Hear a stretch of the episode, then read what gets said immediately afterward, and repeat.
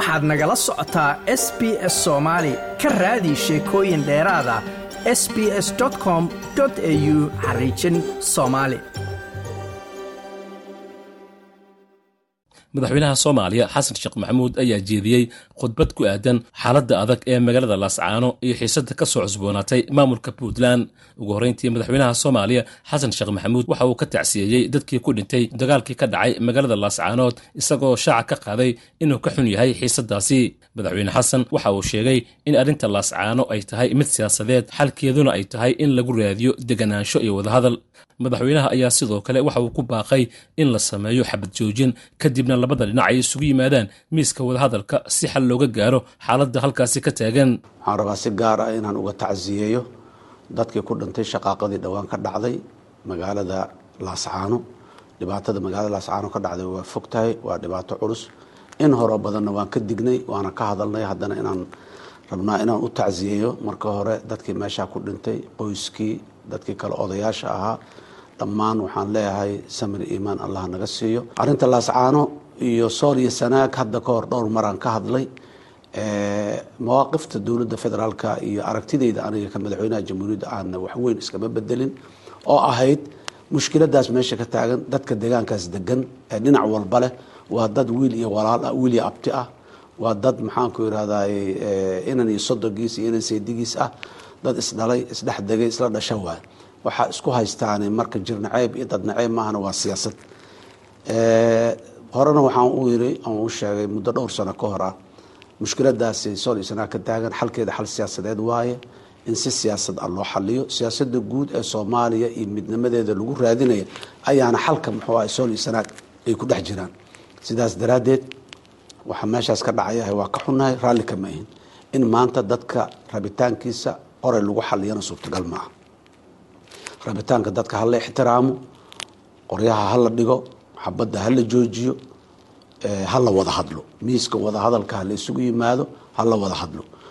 Dowladda federaalka waxay diyaar u tahay inay fududayso ka qayb gasho kaalmayso haddii toos dadka hadda ay colaadu dhex martay ay u wada fariistaan arinta waxaa ka socda laascaano waa aragti siyaasadeed aragti siyaasadeedna qoray kuma xalisanto xalkeeda qoray kuma yimaado. Kan raba iyo kan diidanbo xalkeeda qoray kuma keeni karaan hala isu yimaado hala wada fariisto mar walba horaan uga shaban mushkiladda ka jirta sool iyo sanaag waxay ku dhex jirtaa xayndaabka jirinta aan jirinayna arinta midnimada arinta midnimadana anagu go'aanay naga tahay. Xoog inaan ku raadino ma doonayno nabadaan rabnaa inaan ku raadino dhanka kale madaxweynaha soomaaliya xasan sheekh maxamuud waxa uu soo hadal qaaday xaaladda siyaasadeed ee ka soo cusboonaatay magaalada garoowe ee xarunta maamulka puntland waxaana uu ku baaqay in la dejiyo xaaladda islamarkaana la ilaaliyo nabadda ay caanka ku tahay dowlad goboleedka soomaaliyeed ee puntland. Madaxweynaha soomaaliya waxa uu fariin u diray odayaasha dhaqanka ee maamulkaasi isagoo ka dalbaday inay qaataan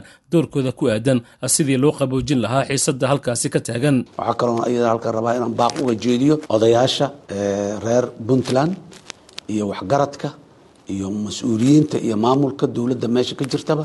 Ayagana waxaan ugu baaqaynaa nabad walaalayaal. Warku balaayadu marka ay bilaabanaysa meelo khafiif oo sahsaalanay ka bilaabataa meelo fogay ka bilaabata. Dalkaas iyo dowladdaas iyo deegaankaas reer puntland nabaday weligood haysan jireen nabaddii inay haystaanaan la jecelnahay ayaguna waxaan ugu baaqaynaa in arinta wadahadal lagu dhammeeyo.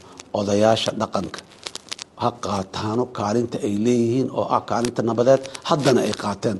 Waanu ku bogaadinayaa inta odayaasha istaagay ee u istaagay arrintaas in nabad lagu soo xaliyo arrinta nabad ha lagu xaliyo dowladda federaalk soomaaliyana sidaan hore u sheegay wax kasta oo nabadaas ka qayb qaadanaya. Laakiin ma saacidayno ma taageerayno raalli kama ahin in mushkiladaha na dhex yaalla in qoryo aan isu qaadino ku xalino. Goor sii horeysay dowladda soomaaliya oo war-saxaafadeed ka soo saartay xaaladaasi ayaa si adag uga hadashay xiisadda dagaal ee ka taagan gudaha magaalada laascaano ee xarunta gobolka sool taasi oo sababtay khasaare xoogan oo dhimashadii dhaawacyo leh. War-saxaafadeedka uu warbaahinta u akhriyey wasiirka wasaaradda arrimaha gudaha ee xukuumadda federaalk soomaaliya axmed macalin fiqi ayaa lagu shaaciyey mowqifka dowladda ee arrinta laascaanood waxaanay dowladdu sheegtay inay aad uga xun tahay dagaalada ka socda halkaasi kuwa oo sababay dhimasho dhaawacyo iyo burbur hantiyadeed dowladda ayaa ku baaqday in la dejiyo xiisadda haatan ka aloosan magaaladaasi wax walbana lagu dhammeeyo wadahadal iyo deganaan. Dowladda soomaaliya waxay si dhow la socotay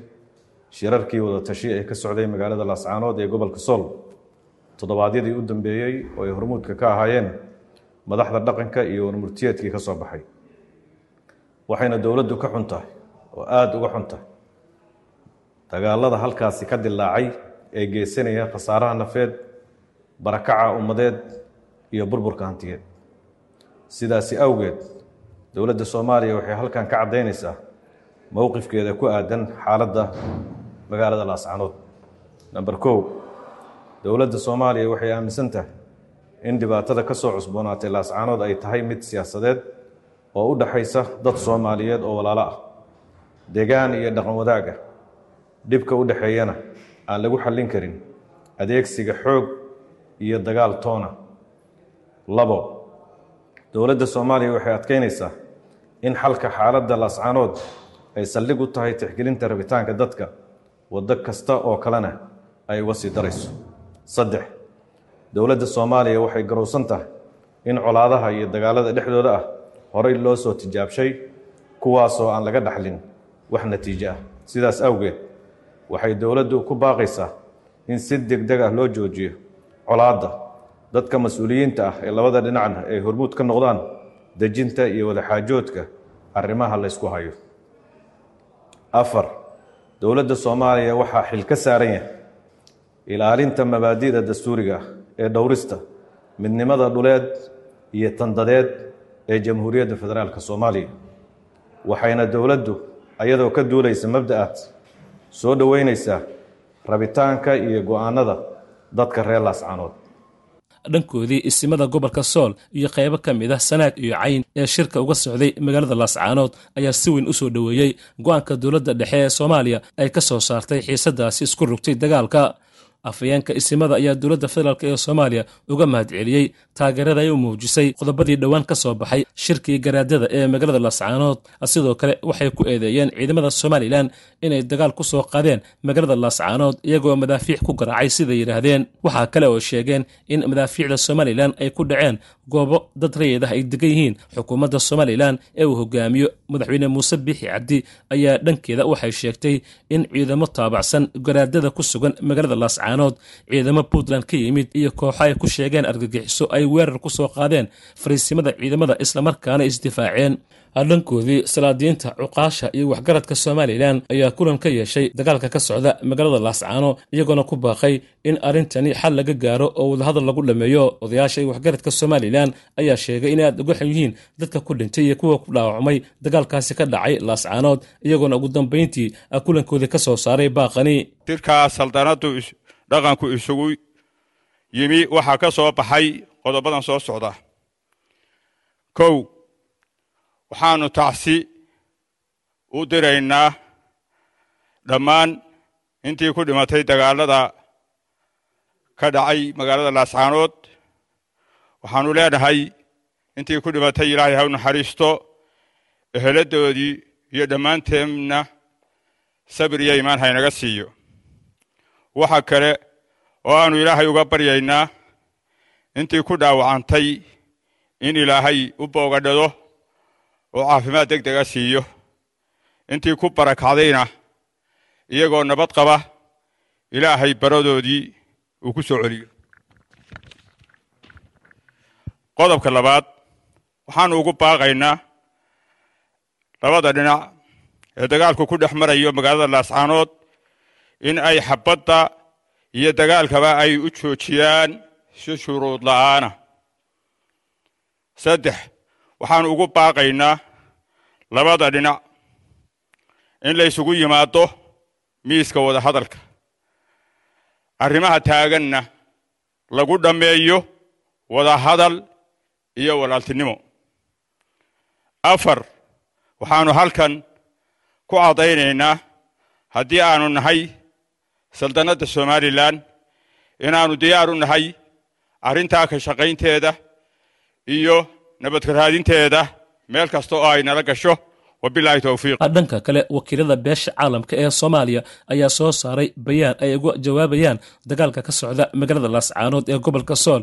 Beesha caalamka ayaa qoraalkeedii waxay baaqi deg deg ah ugu dirtay dhinacyada ku dagaalamaya magaalada laascaanood iyada oo lagu soo hadalqaaday dhibaatooyinka soo gaaray dadka rayidka ihii qoraalka ayaa ugu horayntii waxaa lagu yidhi saaxiibada beesha caalamka ayaa aad uga walaacsan. Rabshadaha haatan laascaanood ka socda ee sababay waxyeelada dadka rayidka ah oo ay ku jiraan carruur sidoo kale beesha caalamka ayaa ugu baaqday somalilan iyo dagaalyahanada beesha degta laascaanood inay isugu yimaadaan miiska wadahadalka oo la joojiyo xabadda iyada oo si gaar ah shacabka loogu turayo. Waxaan ku baaqiynaa in si deg deg ah loo qaboojiyo colaadda ilaalinta rayidka gargaarka bini'aadinimo oo aan la carqaladaynin iyo xiisadda lagu xaliyo iyadoo loo marayo wadahadal ayaa lagu yidhi. Qoraalka ka soo baxay beesha caalamka